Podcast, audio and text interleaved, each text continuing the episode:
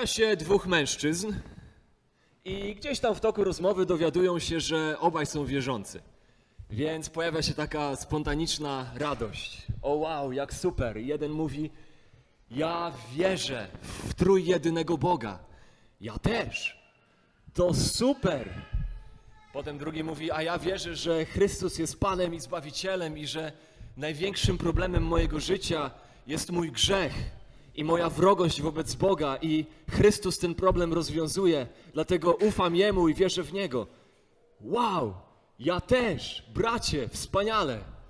Wierzę, że w Nim mam przebaczenie, pojednanie, że wszystkie błogosławieństwa niebios są moje w Chrystusie. Ja też, ale super. Do jakiego kościoła należysz? Należy do kościoła ewangelikalnego. Ja też. A do jakiego nurtu kościoła? No, należy do kościoła baptystycznego. Ja też. Czy należy do baptystów partykularnych, czy bardziej generalnych? Do partykularnych. Wow, ja też. Wspaniale. A co myślisz o wieczerzy pańskiej?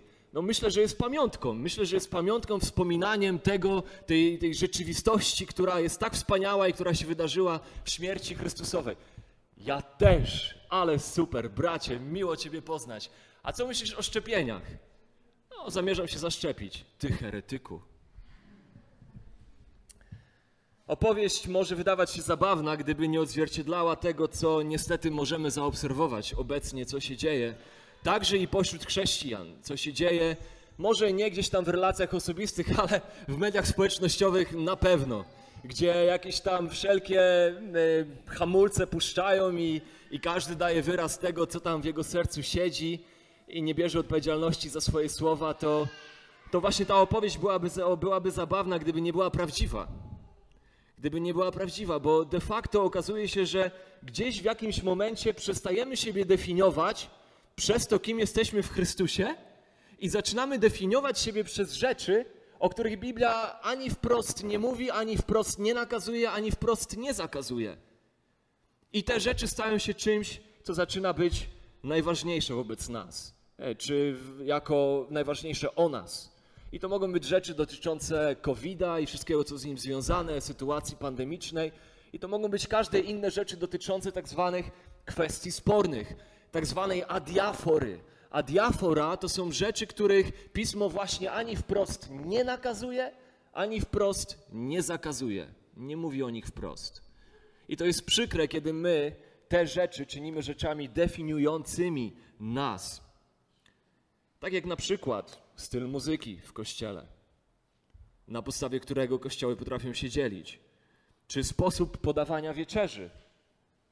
Sam widziałem kościół, który się podzielił o tę kwestię. Czy też ubiór, czy preferowany sposób edukacji dzieci, jak to ma miejsce w Stanach, czy też poglądy polityczne a nawet kolory ścian i dywanów potrafią podzielić chrześcijan. Czyż to nie jest przykre? Jak ktoś powiedział, ulubionym sportem siłowym chrześcijan jest na siłę zmienianie innych. To właśnie lubimy robić. Lubimy mieć swoje przekonania, mamy swoje przekonania, jesteśmy silnie przekonani co do swoich przekonań i lubimy swoje przekonania na siłę zastosowywać do innych. A kiedy nie podzielają naszych przekonań, zazwyczaj dochodzimy do wniosku, że w takim razie chyba tak duchowi jak my to oni nie są. Bo gdyby byli, to przecież by mieli dokładnie to samo zdanie, co mamy my. W jakiejś sprzeczności to stoi z prawdą objawioną chociażby w Rzymian 14 rozdziale, wersety 17-20. Albowiem Królestwo Boże to nie pokarm i napój, to nie rzeczy zewnętrzne, to nie rzeczy, o których Biblia wprost mówi, w Nowym Przymierzu wprost zakazuje lub nakazuje. To nie te rzeczy, lecz Królestwo Boże to sprawiedliwość i pokój i radość w Duchu Świętym. Bo kto w tym służy Chrystusowi, w sprawiedliwości, pokoju, radości, kto w tym służy Chrystusowi, jest miły Bogu i przyjemny ludziom. Dążmy więc do tego, co służy ku pokojowi i ku wzajemnemu zbudowaniu. Dla pokarmu nie niszcz dzieła Bożego. I nawet jeśli w kościele, czy w tym kościele nie doświadczyliśmy takich podziałów w tej kwestii, w kwestii e, jakichś tam spornych, a, a diafory, e, nie, po, nie doświadczyliśmy podziałów e, w kwestiach, które są inne od kwestii niedotyczących zbawienia, które są inne od kwestii fundamentalnych chrześcijaństwa, nie do, e, kwestii niedotyczących doktryny i niedefiniujących Kościoła i życia chrześcijańskiego, ale właśnie w kwestiach adiafory. Nawet jeżeli jeszcze w tym Kościele nie doświadczyliśmy tego, to pokora wymaga od nas bycia czujnym. Wymaga od nas stania na straży, tego, by być przygotowanym na to, że kiedy te kwestie przyjdą, byśmy umieli je udźwignąć w sposób biblijny. Abyśmy już teraz mogli kształtować swoją postawę w sposób zapobiegawczy. Bo skoro starszych efeskich, kościół, w którym apostoł Paweł spędził najwięcej czasu ze wszystkich, które odwiedził, kościół, który był takim centrum rozprzestrzeniania się chrześcijaństwa na Azję Mniejszą, kościół, który na pewno był wspaniałym kościołem, a mimo, kiedy Paweł żegna się ze starszymi z Efezu, ostrzega ich przed wilkami i nie wilkami z zewnątrz, ale wilkami, którzy wyjdą spośród nich, to tym bardziej my musimy stać na straży jedności Kościoła. Nawet kiedy jeszcze wydaje nam się, że ona nie została zagrożona.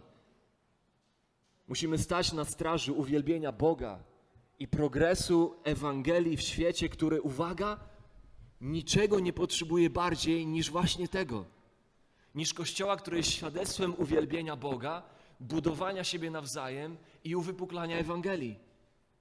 Niczego świat nie potrzebuje bardziej niż właśnie świadectwa tych prawd. A w dzisiejszym fragmencie widzimy, fragmencie od pierwszego wersetu 14 rozdziału, bo to będzie fragment, na który się, w który się wpatrujemy, 14.1 do 15.7. Długi fragment, dlatego spędzimy w nim przynajmniej dwa tygodnie. I w tym fragmencie widzimy, co jest jednym z kluczowych elementów uwielbienia Boga, budowania Kościoła i progresu Ewangelii. Co jest jednym z kluczowych elementów. I widzimy to bardzo wyraźnie w podsumowaniu, które czyni Paweł na koniec tej całej myśli, czyli pod koniec tego fragmentu, czyli rozdział 15, e, wersety od 5 do 7. Ta myśl, którą Paweł zamyka ten dłuższy fragment. A Bóg, który jest źródłem cierpliwości i pociechy, niech sprawi, abyście byli jednomyślni między sobą na wzór Jezusa Chrystusa. Abyście jednomyślnie, jednymi usty wielbili Boga i Ojca Pana naszego Jezusa Chrystusa. Przeto przyjmujcie jedni drugich, jak i Chrystus przyjął nas ku chwale Boga. Oto myśl, którą Paweł podsumuje, podsumowuje cały ten dłuższy fragment. Widzimy, jak kluczową cechą Kościoła podobającego się Panu, Kościoła wielbiącego Pana, Kościoła, który uwypukla Ewangelię, jest jednomyślność. I wiemy, że Pawłowi nie chodzi tutaj o jednomyślność w sensie jednorakości. Nie chodzi tutaj w tym fragmencie, nie może mu chodzić o to, że wszyscy mamy to samo zdanie na każdy temat. Nie może mu chodzić o taką jednomyślność, ponieważ wiemy to z całego fragmentu. Cały fragment jest o tym, że różnimy się między sobą w pewnych kwestiach. Więc jednomyślność, o której on mówi, nie jest jednomyślnością w kwestii tej samej opinii na każdy temat. Ale widzimy, że jest to jednomyślność polegająca na tym, że jednymi usty, wspólnie, jako bracia i siostry, zjednoczeni Chrystusem, wielbimy Boga i Ojca Pana naszego Jezusa Chrystusa. To jest jednomyślność, o którą zabiega Paweł i której pragnie. Nie jednorakość opinii, ale jednomyślność Chrystusowa, która pobudza nas do wspólnego przyjmowania siebie i w tym przyjmowaniu siebie uwielbienia Boga i Ojca Pana Jezusa Chrystusa. Takie właśnie świadectwo jedności Kościoła w samym sercu Imperium Rzymskiego zapewne byłoby potężnym czynnikiem w progresie Ewangelii, czyż nie? Dzisiaj właśnie taki Kościół jest potrzebnym świadectwem i byłby pewnie potężnym świadectwem dla otaczającego świata, który ciągle się dzieli, który ciągle jest wrogi w progresie Ewangelii. Więc nie myślmy, że dziś jest inaczej. Nie myślmy, że chrześcijańskie, wewnątrzkościelne wojenki na tematy sporne, tematy, o których Biblia nie mówi wprost, że one powinny być w jakikolwiek sposób naszą chlubą, że wygrałem jakąś kłótnię, że podjąłem jakąś argumentację i komuś coś udowodniłem. Nie myślmy, że to jest chluba, że rzekomo walczymy o prawdę, walcząc o przekaz czy przekabacenie innych na swoją opinię. Taka postawa de facto szpeci Ewangelię, a nie ją upiększa. Raczej właśnie miłość, sprawiedliwość, pokój i radość Ducha Świętego, to co jest cechą Królestwa, pośród różnic, jakie między nami są i będą, było i jest i będzie ozdobą Ewangelii. To te rzeczy są ozdobą Ewangelii. Oczywiście warto nadmienić, szczególnie dla tych, którzy zaraz, może szczególnie tam słuchając gdzieś na, na internecie, będą chcieli mnie oskarżyć o jakiś relatywizm teologiczny albo o rozwodnienie doktrynalne czy tchórzostwo doktrynalne, o co już byłem oskarżany przez niektórych. Albo może nawet o ekumenie ktoś będzie chciał mnie oskarżyć, albo kto tam wie o co jeszcze. No to warto nadmienić, podkreślić jeszcze raz, że są sprawy, w obronie których należy stawać. I trzeba stawać. I trzeba stawać surowo i bezkompromisowo. Są takie sprawy. Należy o nie walczyć. Są takie twierdzenia i są takie postępowania, które są zawsze fałszywe i zawsze są złe. Biblia klarownie wypowiada się na przykład przeciwko pijaństwu, klarownie jednoznacznie wypowiada się przeciwko cudzołóstwu, przeciwko wszeteczeństwu. Te rzeczy są zawsze złe, bez względu na to, jakie jest Twoje osobiste zdanie na ich temat. One są zawsze złe, obiektywnie złe, absolutnie złe. Nie podlegają wolności sumienia. Podobnie fundamentalne sprawy definiujące chrześcijaństwo jako prawdziwe chrześcijaństwo. One nie podlegają wolności sumienia. Tu nie ma znaczenia, co ja myślę, jakie mam przekonania. Znaczenie ma, co deklaruje nam obiektywne objawienie prawdy Bożej w Piśmie Świętym. To jest to, co ma znaczenie, czyli sprawy dotyczące osoby Chrystusa. Czy on jest Bogiem, czy on jest człowiekiem? To są rzeczy, które nie podlegają dyskusji. On jest Bogiem i on jest człowiekiem. Osobowość Ducha Świętego, czy Duch Święty jest mocą, czy Duch Święty jest osobą. To nie podlega dyskusji. On jest osobą. Trójjedyność Boga, natchnienie, nieomylność, autorytet Pisma. Te rzeczy są bezdyskusyjne i chrześcijanin i Kościół musi o nie walczyć, stawać w ich obronie i być bezkompromisowy. Właśnie znajdujemy się w trakcie tygodnia modlitwy o jedność chrześcijan. Nie wiem, czy wiedzieliśmy o tym. Który dzisiaj mamy? Bo do 25, to nie wiem, czy się skończyło. Nie, jutro się kończy, więc wciąż jesteśmy w tygodniu modlitwy o jedność chrześcijan. I my oczywiście jako Kościół rozumiemy, że w formalny sposób nie możemy uczestniczyć w tej modlitwie w tym tygodniu. My rozumiemy, że jako Kościół nie możemy stanąć wspólnie z tymi wszystkimi innymi kościołami w tym tygodniu modlitwy o jedność Kościoła, o jedność chrześcijan, z kościołami, które co do definicji biblijnej, nie co do definicji historycznej, ale biblijnej, wiemy, że chrześcijańskie nie są, ponieważ wypaczają Ewangelię deformują Ewangelię i nie ma w nich prawdziwej Ewangelii i te kościoły z definicji biblijnej chrześcijańskie w ogóle nie są. Więc my rozumiemy, że w formalny sposób nie możemy uczestniczyć w tym tygodniu modlitwy razem z nimi. Nie możemy stanąć w jednej modlitwie, sugerując tym samym, że jesteśmy braćmi, mając świadomość, że braćmi nie jesteśmy. Mając świadomość, że to, co nas dzieli, to nie są kwestie sporne, że to, co nas dzieli, to nie są kwestie sumienia, opinii i teorii, ale to są kwestie granicy pomiędzy prawdą a fałszem. To są kwestie granicy pomiędzy prawdą a zwiedzeniem, prawdą a herezją.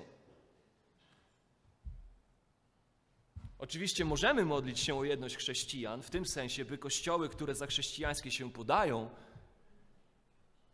które w prawowity sposób chrześcijańskie są, ponieważ uchwyciły się biblijnej Ewangelii, doszły do poznania prawdy, możemy modlić się, żeby te chrześcijańskie kościoły wzrastały w jednomyślności i w jedności, o której mówi Pismo.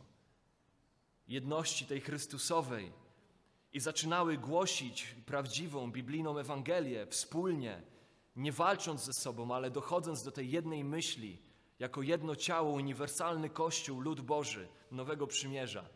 Taka jedność jak najbardziej by nas cieszyła ale nie jedność pozorna, jedność, która na siłę zasłania różnice, granice pomiędzy prawdą a herezją. Tak więc dzisiaj nie mówię o jedności i zgodzie w kwestiach definiujących chrześcijaństwo, w kwestiach doktrynalnych definiujących Kościół, definiujących chrześcijańskie życie, postępowanie. Dzisiaj mówię o jedności i zgodzie i pokoju i miłości w Kościele w kontekście trzeciego poziomu teologicznego triażu, na który spojrzeliśmy w zeszłym tygodniu. Czyli tej adiafory, spraw spornych, spraw sumienia, spraw Twoich opinii, Twoich przekonań, moich przekonań, moich opinii, których ani Biblia jasno nie nakazuje, ani jasno nie zakazuje. O tym mówimy. O tym mówi fragment z Rzymian 14. I mamy w tym fragmencie, w tym całym fragmencie, przynajmniej 12 zasad, i na nie spojrzymy. 12 zasad co do tego, jak nie zgadzać się z innymi chrześcijanami w sprawach spornych, tak, by wciąż oddawać Bogu chwałę, budować Kościół i być ozdobą Ewangelii. To będzie nasz temat na kilka tygodni. 12 zasad.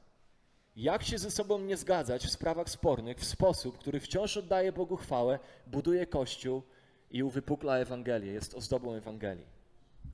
Więc zacznijmy. 14 rozdział, wersety 1 i 2. A słabego w wierze przyjmujcie, nie wdając się w ocenę jego poglądów.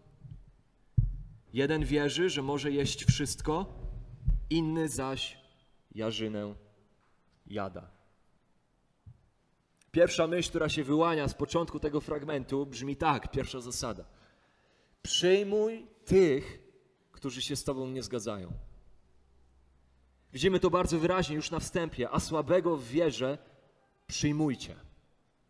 Przyjmuj tych, którzy z Tobą się nie zgadzają w kwestiach spornych. Jeśli chodzi o kwestie sporne, to w Kościele Paweł ukazuje nam, że zawsze będą dwie grupy. Jedną grupę nazywa słabymi, drugimi nazywa mocnymi wierze. Tak przynajmniej widzimy to sformułowane w Biblii Warszawskiej. Jest to troszeczkę mylące, bo kiedy jest tutaj mowa o byciu słabym wierze lub mocnym wierze, to w Grece dosłownie mamy tutaj słabych i mocnych w odniesieniu do wiary. To nie są słabi w wierze, ale są słabi w odniesieniu do wiary. Jest to konstrukcja grecka, która bardzo wyraźnie odróżnia ten zwrot od zwrotu bycia słabym w wierze. Dlaczego to ma znaczenie? No dlatego, że nie jest tutaj mowa o tych, których wiara jest słaba i tych, których wiara jest mocna. To nie o takich ludziach mówi tutaj Paweł. Tu nie ma mowy o dojrzałości i niedojrzałości. Czy też Paweł nie mówi tutaj o ilości wiary. Kiedy mówi o słabych wierze, to są ci, którzy ciągle się potykają w chrześcijańskim życiu, którzy mają dużo wątpliwości, którzy mają małą ilość wiary, a mocni to są ci, którzy są takimi gigantami wiary, to są tacy apostołowie, Pawłowie współczesnego chrześcijaństwa. Nie o tym mówi Paweł. Nie o tym mówi Paweł. Nie mówi o ilości wiary. Nie ma to nic wspólnego ze zbawczą wiarą. I werset 22 czyni to bardzo jasnym że kiedy Paweł mówi o byciu mocnym czy słabym w wierze, to nie ma na myśli tego, który jest słaby w wierze chrześcijańskiej. Werset 22. Przekonanie, jakie masz, zachowaj dla siebie przed Bogiem. Przekonanie to, które wypływa z Twojej wiary, o której mówi cały ten fragment.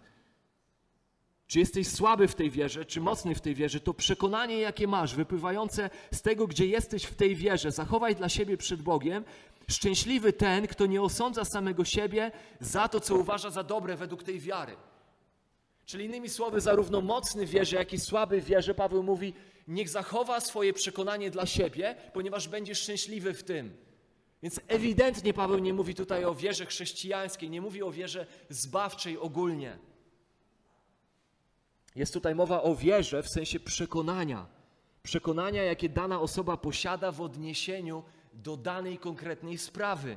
A mianowicie, czy wiara, którą wyznaje, pozwala danej osobie na rzecz konkretną, czy mu na nią nie pozwala. O tym mówi Paweł. Słaby i mocny wierze to jest ten, który ma przekonanie w odniesieniu do konkretnej sprawy, któremu na tę rzecz pozwala lub tej rzeczy zabrania. Jeżeli wiara danej osoby daje mu wolność, przekonanie danej osoby daje mu wolność, poczucie wolności, Poczucie takiej wolności, która pozwala mu na spożywanie wszystkiego w kontekście tego fragmentu, to Paweł nazywa go mocnym. Jeżeli ogranicza, jeżeli jego przekonanie co do danej rzeczy ogranicza jego wolność w odniesieniu do tej rzeczy, w tym wypadku na przykład ogranicza się tylko do warzyw, jako rezultat swoich przekonań, Paweł nazywa go słabym. Innymi słowy, jeśli wiara, przekonanie danej osoby nie pozwala danej osobie na zrobienie rzeczy, która sama, sama w sobie moralnie jest neutralna, bez poczucia samopotępienia, czyli jeżeli przekonanie danej osoby nie pozwala tej osobie zrobić czegoś, co samo w sobie nie jest złe ani dobre, jest neutralne i on nie może tego zrobić bez poczucia samopotępienia, to Paweł nazywa tę osobę słabą.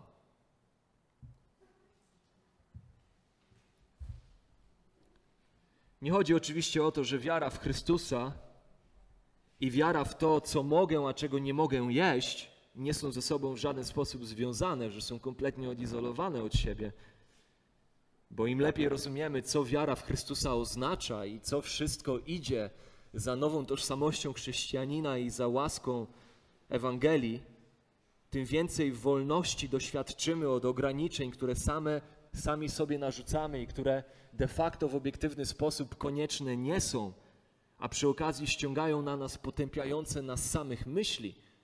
Więc w pewnym sensie te dwie rzeczy są ze sobą związane.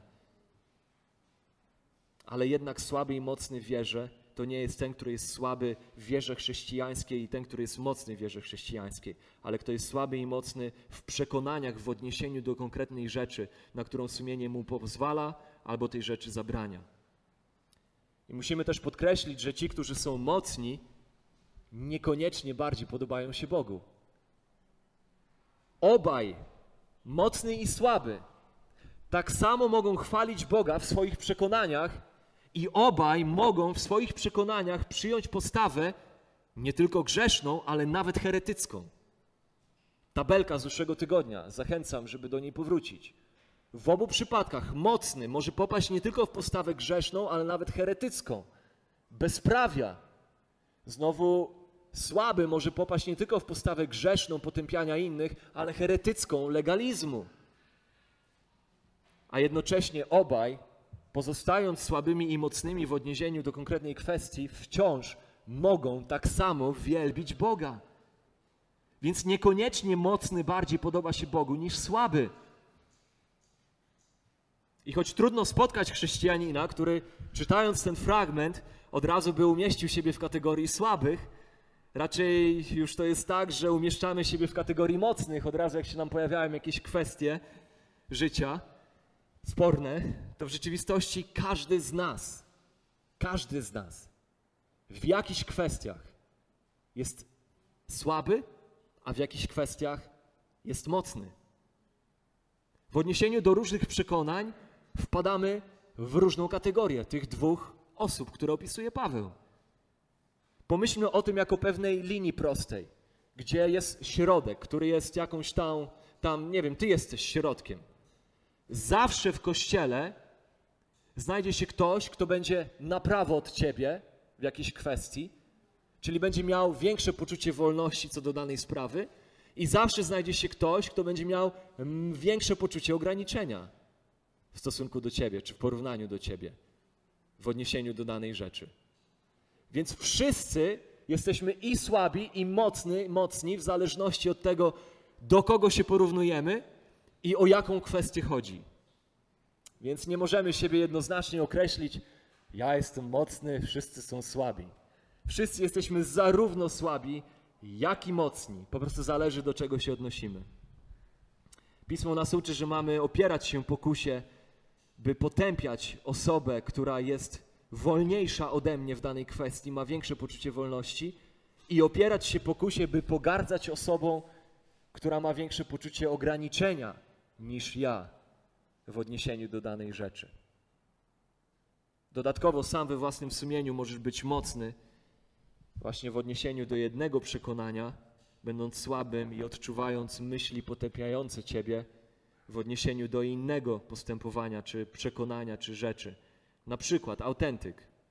Moje doświadczenie, będąc na jednej z konferencji chrześcijańskich, pamiętam jak jednemu bratu sumienie pozwalało pić piwo, ale nie pozwalało na trzymanie rąk w kieszeni, kiedy mówca stał na konferencji i głosił słowo z rękoma w kieszeni. Ten brat był bardzo tym poruszony, dotknięty, że mówca trzymał ręce w kieszeni.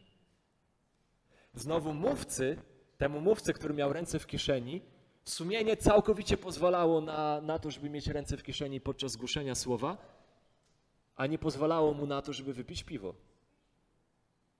I mieliśmy bardzo wyraźny obraz dwóch osób, które w odniesieniu do tych samych rzeczy, jeden był słaby, jeden mocny, i dru do drugiej rzeczy odwrotnie. Więc tak samo jest i z nami. Mówię o tym dlatego, byśmy zrozumieli, że wszystkie Pawłowe instrukcje, czy to są instrukcje do mocnego, czy to są instrukcje do słabego, one wszystkie odnoszą się do nas. Bo wszyscy jesteśmy zarówno mocni, jak i słabi. Dodatkowo 15 rozdział, 7 werset, czyli to, czym kończy Paweł, widzimy tutaj swego rodzaju tak zwane inkluzjo. Myśl, która otwiera cały ten fragment. 14 rozdział, pierwszy werset. Przyjmujcie. Przyjmujcie tych, którzy są słabi. Przyjmujcie tych, z którymi się nie zgadzacie. I widzimy, że dokładnie ta sama myśl zamyka ten fragment. Siódmy werset 15 rozdziału. Przeto przyjmujcie jedni drugich, jak i Chrystus przyjął was, nas ku chwale Boga. Widzimy, że ta myśl jest podsumowaniem całego tego wywodu. Jasno wskazuje, że wezwanie, byśmy siebie nawzajem przyjmowali, jest wezwaniem do nas wszystkich. Zarówno mocnych wobec słabych, jak i słabych wobec mocnych. Przechodząc przez ten fragment, zasada po zasadzie, będziemy mieć dobry obraz tego, więc teraz nie będziemy się skupiać na tym, co to znaczy przyjmujcie ich, ponieważ reszta tych zasad, kolejne 11 zasad, wyjaśni nam, co to znaczy przyjmować. O jakim przyjmowaniu mówi Paweł. Natomiast warto podkreślić, to jest główna myśl. Przyjmuj tych, z którymi się nie zgadzasz, którzy nie zgadzają się z Tobą. I przechodząc dalej przez te zasady, będziemy mieli pełny obraz tego przyjmowania, co to jest za przyjmowanie. I wrócimy do tej kwestii szczególnie na koniec, kiedy zamkniemy to tą dwunastą zasadą 15 rozdziału 17 wersetu. Dzisiaj spójrzmy więc na pierwsze rozwinięcie tej myśli, czyli wersety 3-4. Po pierwsze, przyjmuj tych, którzy się z Tobą nie zgadzają. Po drugie, wersety 3-4. Niechże ten, kto je, nie pogardza tym, który nie je, a kto nie je, niech nie osądza tego, który je, albowiem Bóg go przyjął. Kimże Ty jesteś, że osądzasz cudzego sługę? Za kogo się uważasz? Czy stoi, czy pada? do Pana swego należy. Ostoi się jednak, bo Pan ma moc podtrzymać go. Pierwsza myśl, którą tu widzimy, ty, który odczuwasz wolność sumienia, nie możesz patrzeć z góry na tego, który w danej kwestii jej nie ma. To jest druga zasada. Ty, który odczuwasz wolność sumienia w danej kwestii, nie możesz patrzeć z góry na tego, który w tej kwestii jej nie ma. Nie ma tej wolności sumienia. Mocny, który odczuwa wolność sumienia, by zrobić coś, w czym inni czują potępienie w swoim sumieniu, ma skłonność, mówi Paweł, patrzeć na nich z pogardą, z góry, z arogancją. Ci ludzie przecież nie rozumieją wolności, jaką mamy w Chrystusie. Amen. Są tacy niedojrzali, są tacy legalistyczni. Myślą tylko o zasadach. Zasady, zasady, zasady, zasady. Czemu oni nie rozumieją wolności? Czemu oni są jeszcze tak z tyłu? I Paweł potępia taką postawę wyższości. Słowo gardzić, które się tutaj pojawia, mocny niech nie pogardza, to greckie słowo oznaczające lekceważyć uważać coś za nic, uważać coś za mające niską, nieznaczącą wartość, uważać coś lub kogoś za zero. W dziejach apostolskich 4:11 czytamy, że Jezus jest tym kamieniem, który został odrzucony przez budujących, wzgardzony przez budujących. Tam jest to słowo, uznany za nic, uznany za zero. W Łukasza 23:11 z kolei czytamy, że Herod z żołnierzami swoimi wzgardził Jezusem.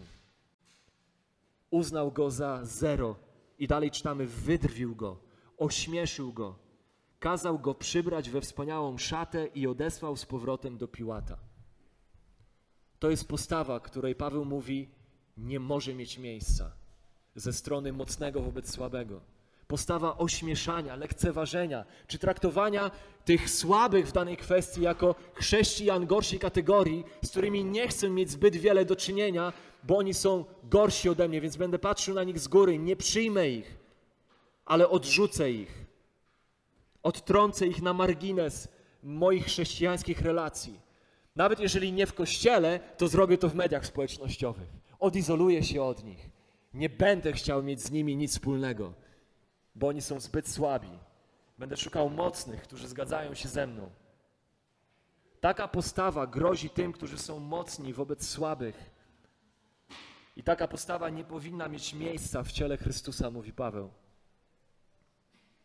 Jeśli faktycznie mamy tu do czynienia z chrześcijanami pochodzenia żydowskiego w kontekście tego rozdziału, o czym mówiliśmy więcej ostatnim razem, czyli mamy tutaj do czynienia z chrześcijanami, którzy wynieśli pewne przekonania jako kontynuacja ich poprzedniej religijności, która de facto była bezpośrednim, e, bezpośrednim korzeniem chrześcijaństwa, bo korzenie wyrosło z religii judaistycznej więc nie pochodzili gdzieś z jakiegoś pogaństwa, ale z czegoś, co było podwaliną tak naprawdę chrześcijaństwa, to oni przenieśli swoje przekonania, kontynuując w tych przekonaniach wcześniejszych ograniczeń wynikających z tory i z tradycji judaistycznej. Więc jeżeli założymy rzeczywiście, to z takimi ludźmi tutaj mamy do czynienia w kościele w Rzymie i oni w ten sposób chcą dalej wyrażać swoją duchowość. Oni chcą nadal wyrażać swoją duchowość i oddawać Bogu chwałę w kontynuowaniu w tych ograniczeniach, które wierzą w swoim sumieniu, że są słuszne i że Bogu się podobają. To zauważmy, że Paweł nie widzi w tym nic złego. Zauważmy, że Paweł w tym rozdziale nie karci ich za to. Nie gromi ich z tego powodu. Nie prostuje w tym miejscu, a już na pewno nie ośmiesza.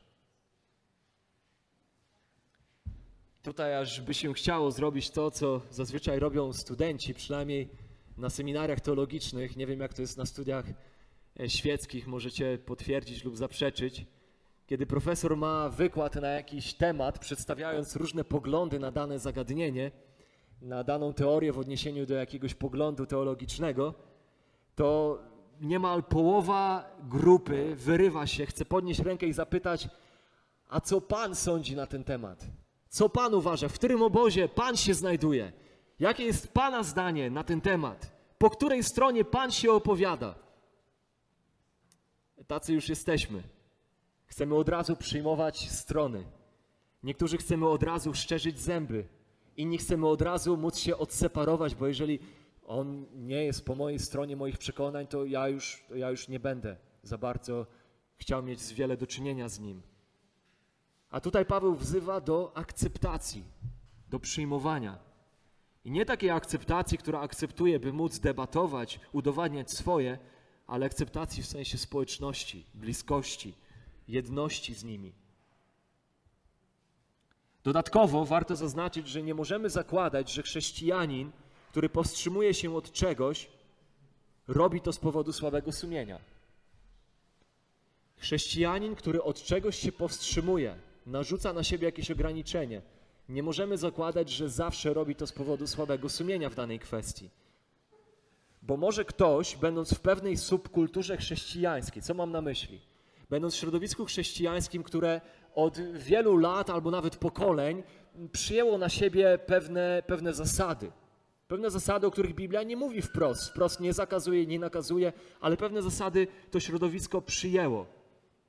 To nawet nie musi być środowisko chrześcijańskie, ale to może być środowisko jakieś społeczne. Ktoś jedzie zakładać zbór w jakimś środowisku, które ma pewne jasno i mocno określone zasady.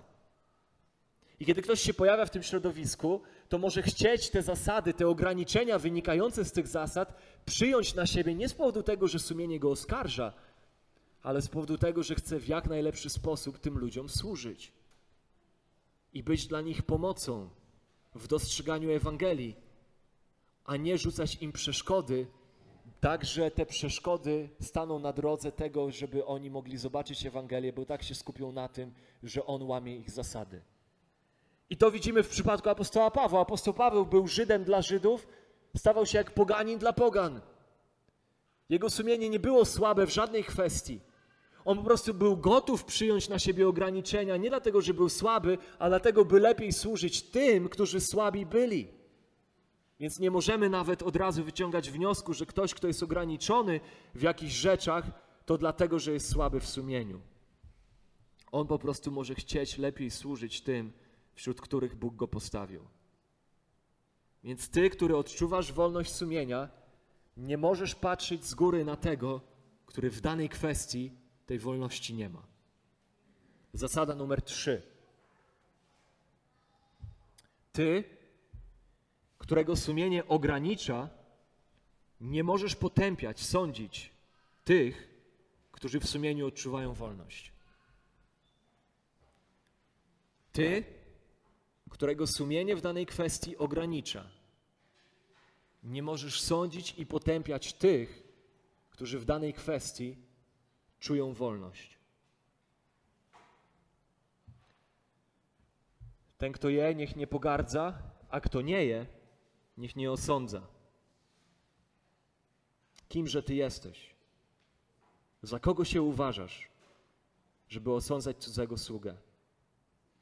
Czy stoi, czy pada, do Pana należy. Ostoi się jednak, bo Pan ma moc podtrzymać go. Paweł zwraca się do słabych teraz. Ci, którzy mają słabsze sumienie w danej kwestii, Paweł mówi, mają skłonność osądzać, wydawać osąd nad tymi, którzy odczuwają większą wolność. Myślą tak. Jak oni mogą być chrześcijanami i robić tę rzecz? Jak oni mogą uważać się za dojrzałych chrześcijan i pozwalać sobie na robienie tej rzeczy? Czy nie zdają sobie sprawy, jaką szkodę wyrządzają Ewangelii? Czy oni nie rozumieją, że po, powinni daną rzecz porzucić ze względu na Chrystusa? Ktoś kiedyś powiedział, że legalista to osoba, która ciągle żyje w śmiertelnym przerażeniu, że ktoś gdzieś może cieszyć się życiem.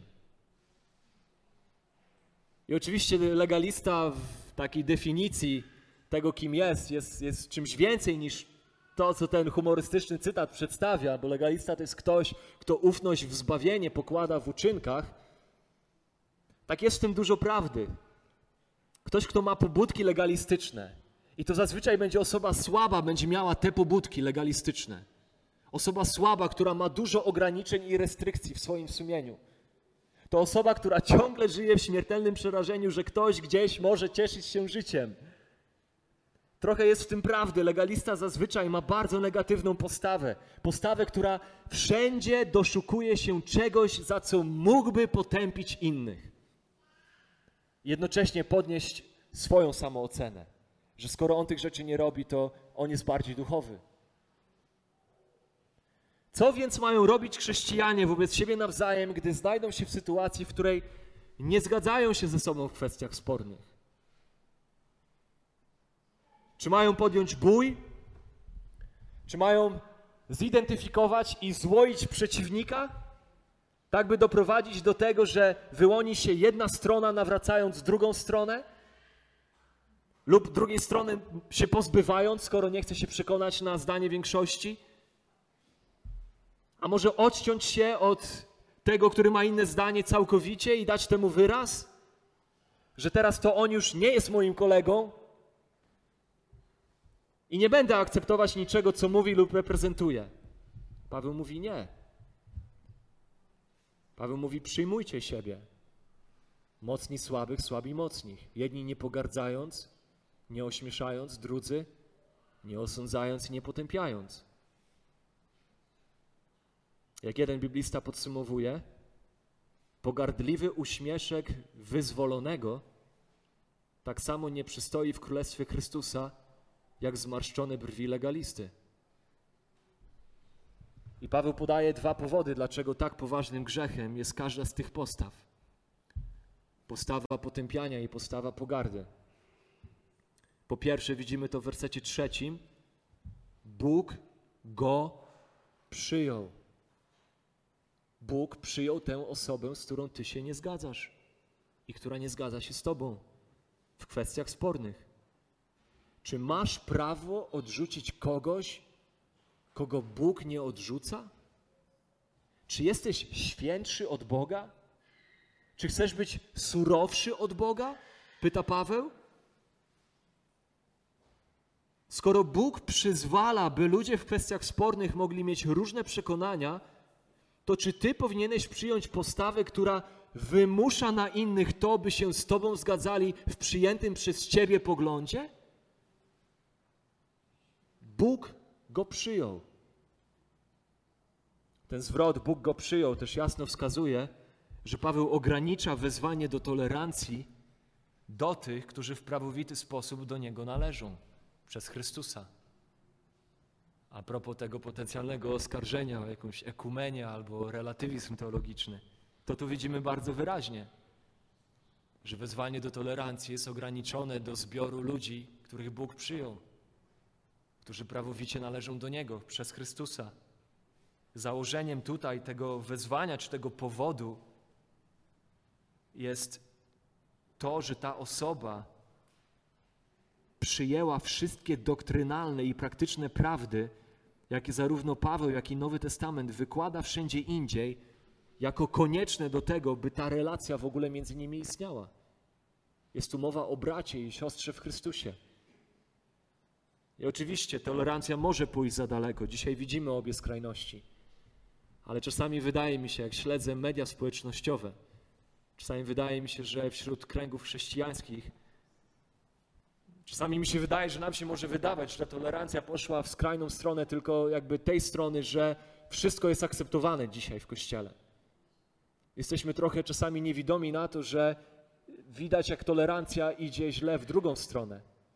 Że nie akceptujemy siebie za nic. Znajdujemy każdy głupi powód do tego, by się dzielić i by się kłócić i spierać i udowadniać swoje. W kwestiach adiafory, o których Biblia nie mówi wprost. Dziś widzimy niestety obie skrajności. Człowiek nie ma prawa twierdzić, że jest chrześcijaninem i domagać się prawa bycia przyjętym przez Kościół bez względu na to, co wierzy i jak postępuje. Rozumiemy to. Rozumiemy to. Nie ma prawa wejść do kościoła i powiedzieć: Rzymian 14, przyjmijcie mnie. Nie czepiajcie się mojego grzechu, nie czepiajcie się mojej doktryny, przyjmijcie mnie. My rozumiemy, że tak nie jest. Nie o tym mówi ten fragment. Nowy Testament wyznacza jasne granice tego, kto jest chrześcijaninem i kto może być nazwany bratem i siostrą. Kogo Bóg przyjął.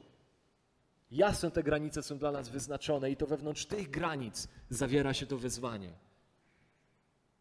W każdym razie, pierwszy powód, dlaczego mamy się je przyjmować, jest to, że Bóg nas przyjął kiedy mamy do czynienia z innymi, którzy są w Chrystusie. Po drugie, widzimy w czwartym wersecie, w formie pytania ten powód jest postawiony. Najpierw, kim jesteś, że osądzasz cudzego sługę? Kim jesteś, że osądzasz cudzego sługę? Bo czy stoi, czy pada, do Pana swego należy.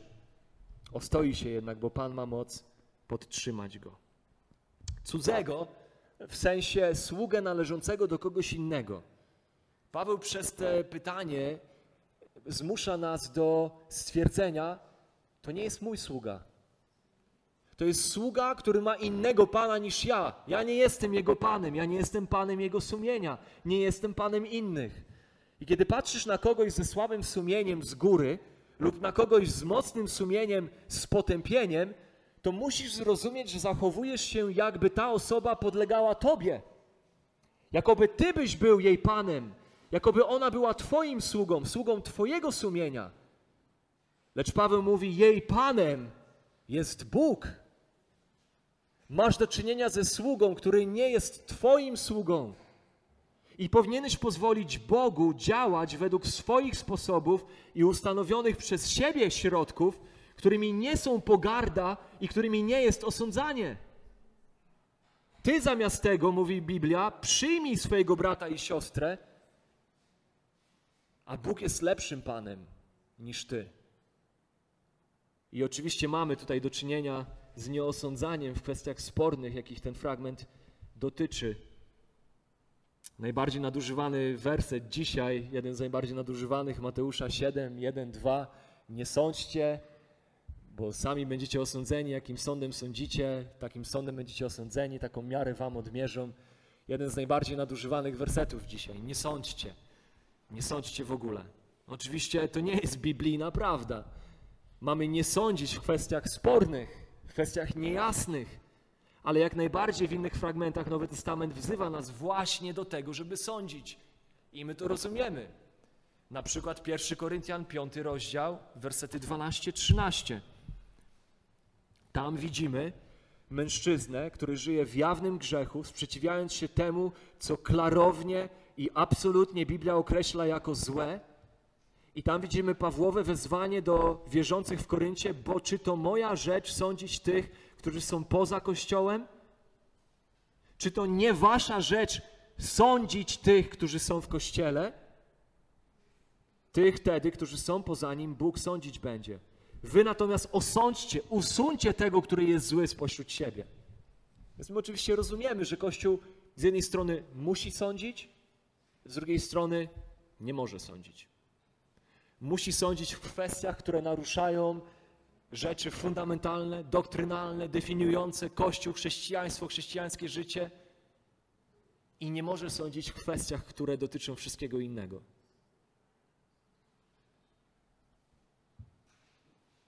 Panem mojego brata, Panem mojej siostry jest Bóg.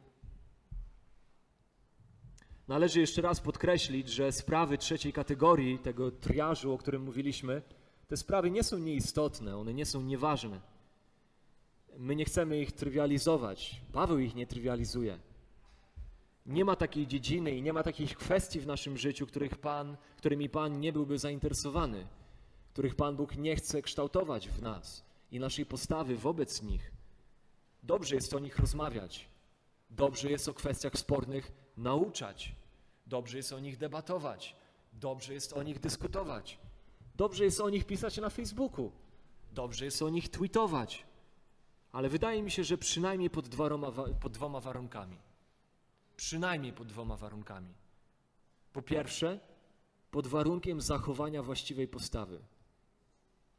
Co to znaczy? No, to, o czym mówiliśmy do tej pory. Postawy nieosądzania, niepotępiania i niepogardzania tymi, którzy się ze mną nie zgadzają. Tymi, którzy będą mieli odmienne zdanie od ciebie w danej kwestii. Innymi słowy, kiedy już rozmawiasz, kiedy już debatujesz, kiedy dyskutujesz, kiedy nauczasz w tej kwestii, bądź surowy dla siebie i szczodry i dobroduszny dla wszystkich innych. Bądź surowy dla siebie, bo to jest Twoje sumienie, ale bądź dobroduszny i szczodry dla wszystkich. Po drugie, zachowaj nie tylko właściwą postawę, ale zachowaj właściwe proporcje. Jeżeli już o tym rozmawiasz, jeżeli o tym piszesz, o tym tweetujesz, facebookujesz, zachowaj właściwe proporcje. To znaczy, niech sprawy sporne zostaną sprawami spornymi. My mamy skłonność je przenosić, mamy skłonność spłaszczać wszystko. Ze spraw spornych czynić rzeczy, które stawiamy na ostrzu noża. Mamy skłonność traktować je jak rzeczy fundamentalne, a nawet doktrynalne. Więc nie obrażaj się. Nie obrażaj innych. Nie powoduj podziałów z tego powodu. Nie tylko nie powoduj podziałów, ale sam się nie oddzielaj. Nie stawaj się tak pochłonięty tymi sprawami, że one zaczynają dominować to, o czym żyjesz, to, o czym mówisz, to, o czym rozmawiasz, to, o czym piszesz. Że tylko o nich byś rozmawiał. Że one stają się czynnikiem, na podstawie którego dodatkowo wybierasz sobie przyjaciół albo więcej. Czynnikiem, na podstawie którego wybierasz sobie kościół. Sprawy sporne, trzeciorzędne. I nie tylko w realu, ale też i w mediach społecznościowych. Nie powinny być sprawami, wobec których jesteś najbardziej żarliwy, rzeczy sporne. Nie powinny być sprawami, wobec których nieustannie próbujesz przekabacić innych na swoją stronę, na tę daną sprawę, patrząc na nich z góry, kiedy się okazuje, że jednak oni na koniec pozostają przy swoim zdaniu. Jakże tutaj z pomocą przychodzi dla nas fragment Jakuba, trzeciego rozdziału, wersety 13 do 18. My, którzy chcemy być mądrzy,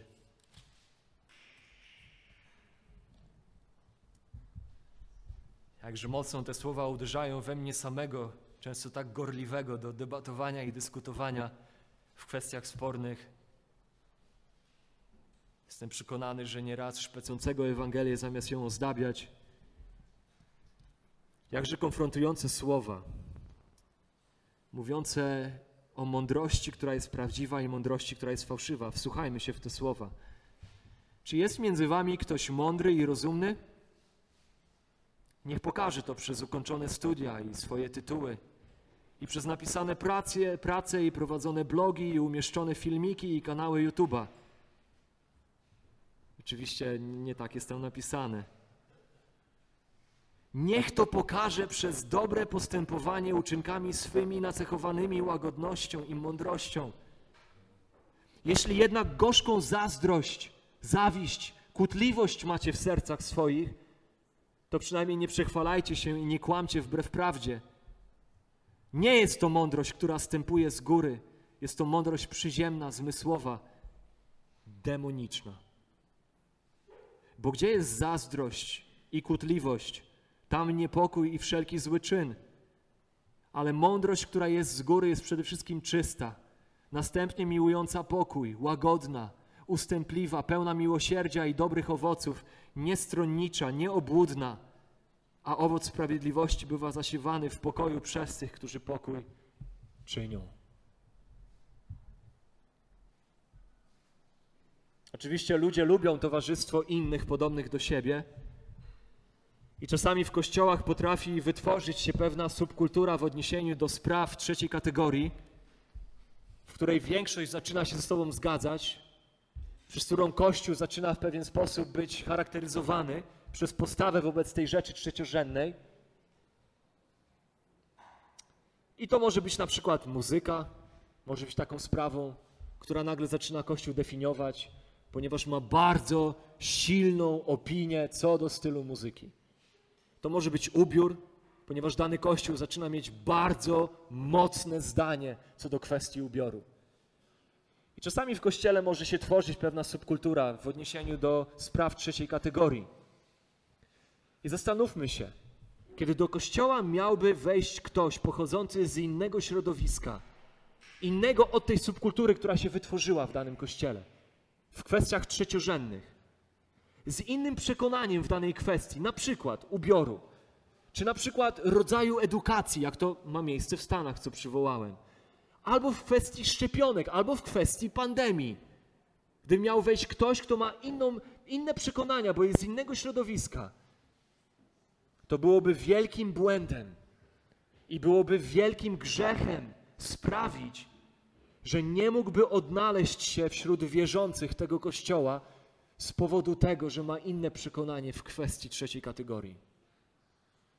Byłoby to wielkim błędem i wielkim grzechem.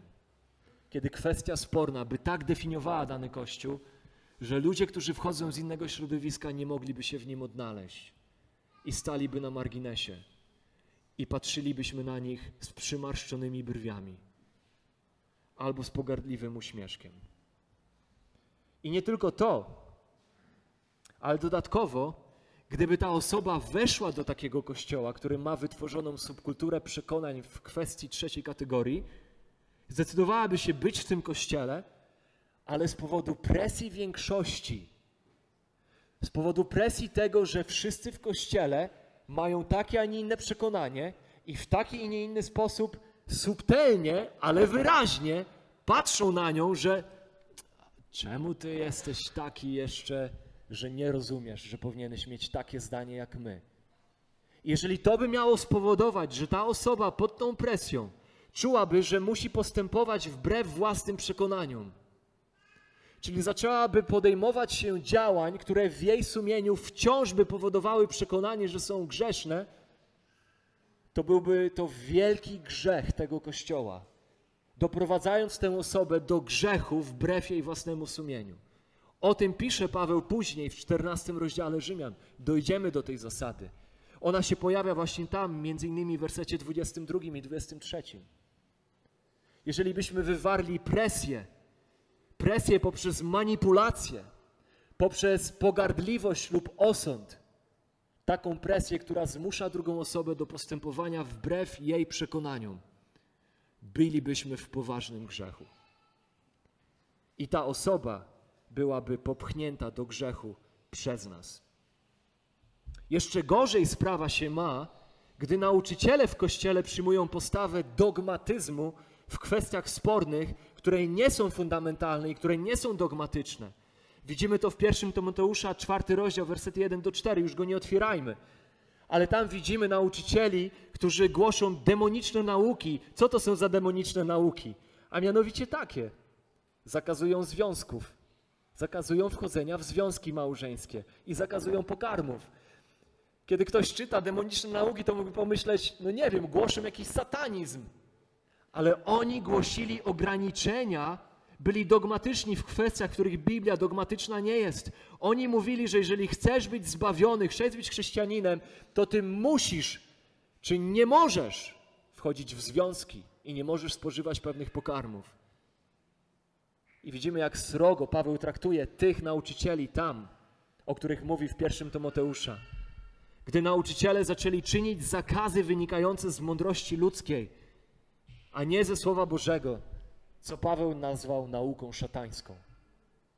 Dlatego ten sam Paweł, który w Rzymian 15:1 wzywa, by mocni znosili słabych i nie skupiali się na sobie, to w Kolosan 2:16 mówi: Niechże was wtedy nikt nie sądzi z powodu pokarmu i napoju, albo z powodu święta lub nowiu księżyca bądź sabatu. Czyli z jednej strony wzywa mocnych, żeby wzięli na swoje barki słabości słabych i porzucili pewne sfery swojej wolności ze względu na słabych, tak w Kolosan 2,16 już mówi coś odwrotnego. Mówi, nie porzucajcie swojej wolności. Nie pozwólcie, żeby ktoś was osądzał z powodu waszej wolności. Bo tutaj Paweł mówi mocnym, mówi to do mocnych, by się postawili fałszywej nauce, która próbowała związać sumienia ludzi rzeczami, którymi Biblia sumienia nie wiązała w liście do Kolosan. Podobnie jak Paweł przeciwstawiał się braciom z Jerozolimy, którzy domagali się obrzezania Tytusa, Galacjan 2:3, ten sam Paweł, który w Rzymian wzywa, werset 19, 14 rozdziału, dążmy do tego, co służy pokojowi. Z jednej strony mówi Paweł, dążmy do tego, co służy pokojowi, to mówi w odniesieniu do grupy judaizantów wymagających obrzezania, Galacjan 2:5, którym ani na chwilę nie ustąpiliśmy, ani się nie poddaliśmy, aby prawda Ewangelii u was się utrzymała. Paweł mówi, dążcie do pokoju w Rzymian 14:19, a tu mówi w Galacjan, ani na chwilę nie zabiegaliśmy o pokój. Ani na chwilę nie zabiegaliśmy o pokój. Walczyliśmy z nimi. Przeciwstawialiśmy się im, żeby utrzymać prawdę Ewangelii. Tak więc kończąc, potrzeba nam mądrości. Oczywiście, że potrzeba nam mądrości, by rozróżnić pomiędzy słabymi, miotającymi się wierzącymi, wobec których powinniśmy być elastyczni, wrażliwi, wyrozumiali, a tymi, którzy chcą kontrolować, którzy chcą manipulować, którzy chcą wymuszać swoje poglądy na innych, tak by w obliczu takich móc jak Paweł stanąć w obronie Ewangelii nie tylko dla nas, ale dla pokoleń, które przyjdą po nas. Podsumowując więc, uwaga, ulubiony sport chrześcijan zostaje wykreślony z dyscyplin kościelnych przez ten fragment. Nie możemy pogardzać słabszym, którego przekonania go ograniczają, ani osądzać i potępiać mocnego, którego przekonania dają mu poczucie wolności. Sprawę oceny i sądu w kwestiach trzeciorzędnych zostawiamy Panu któremu służymy, któremu oni służą i którego chwały wszyscy szukamy. Pochylmy głowy w modlitwie.